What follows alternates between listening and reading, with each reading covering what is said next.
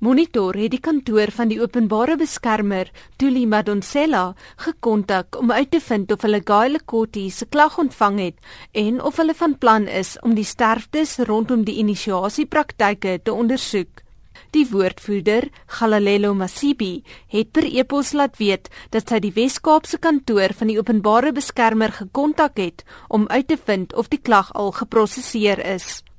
Intussen het die Menseregte Kommissie ons na die Kommissie vir die Beskerming van Kulturele, Godsdienstige en Taalregte verwys. Die waarnemende hoof van die kommissie, Edward Mafatsa, sê hulle het al in 2010 begin om die sterftes by tradisionele inisiasieskole te ondersoek. As a commission, I must first start by saying that we promote the cultural rights and the initiation schools is part of that which we promote. Although I may not actually delve deeply into what happens in the initiation schools because it remains a sacred practice, you will find that that's where boys are taught certain values as men so that they can be responsible and accountable people in the community.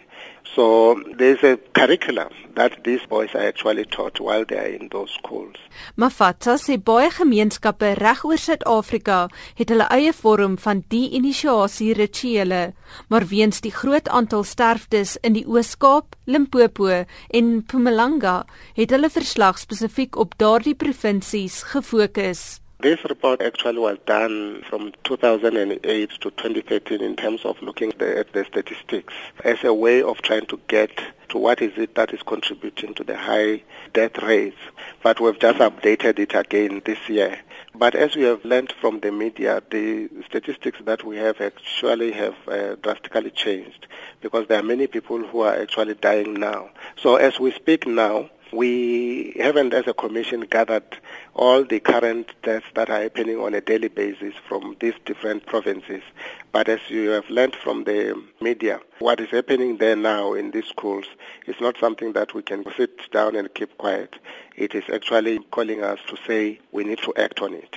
Volgens Mafatsa het hulle 'n jaar gelede al in 'n verslag aanbeveel hoe die verskeie rolspelers te werk moet gaan om sterftes te verhoed maar hy betwis die RSG luisteraar Kyle Kotti se stelling dat 'n besnydenis net in 'n kliniek gedoen kan word. This is part of the cultural practice of certain communities and they've got a way of doing it in a way that the processes are well protected taking into consideration issues of health.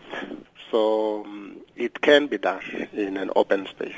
Hy sê daar is baie faktore behalwe die besnydenis wat ook sterftes veroorsaak. Amongst others, you know, the issues around dehydration, issues around septicemia, accidents during the operation, issues of gangrene, kidney failure, and also assaults on the initiates during initiation. So that's what we actually gathered during these public hearings. Dit was Edward Mafatsa, die waarnemende hoof van die kommissie vir die beskerming van kulturele, godsdienstige en taalregte, en ek is Anne Marie Jansen van Vuren in Johannesburg.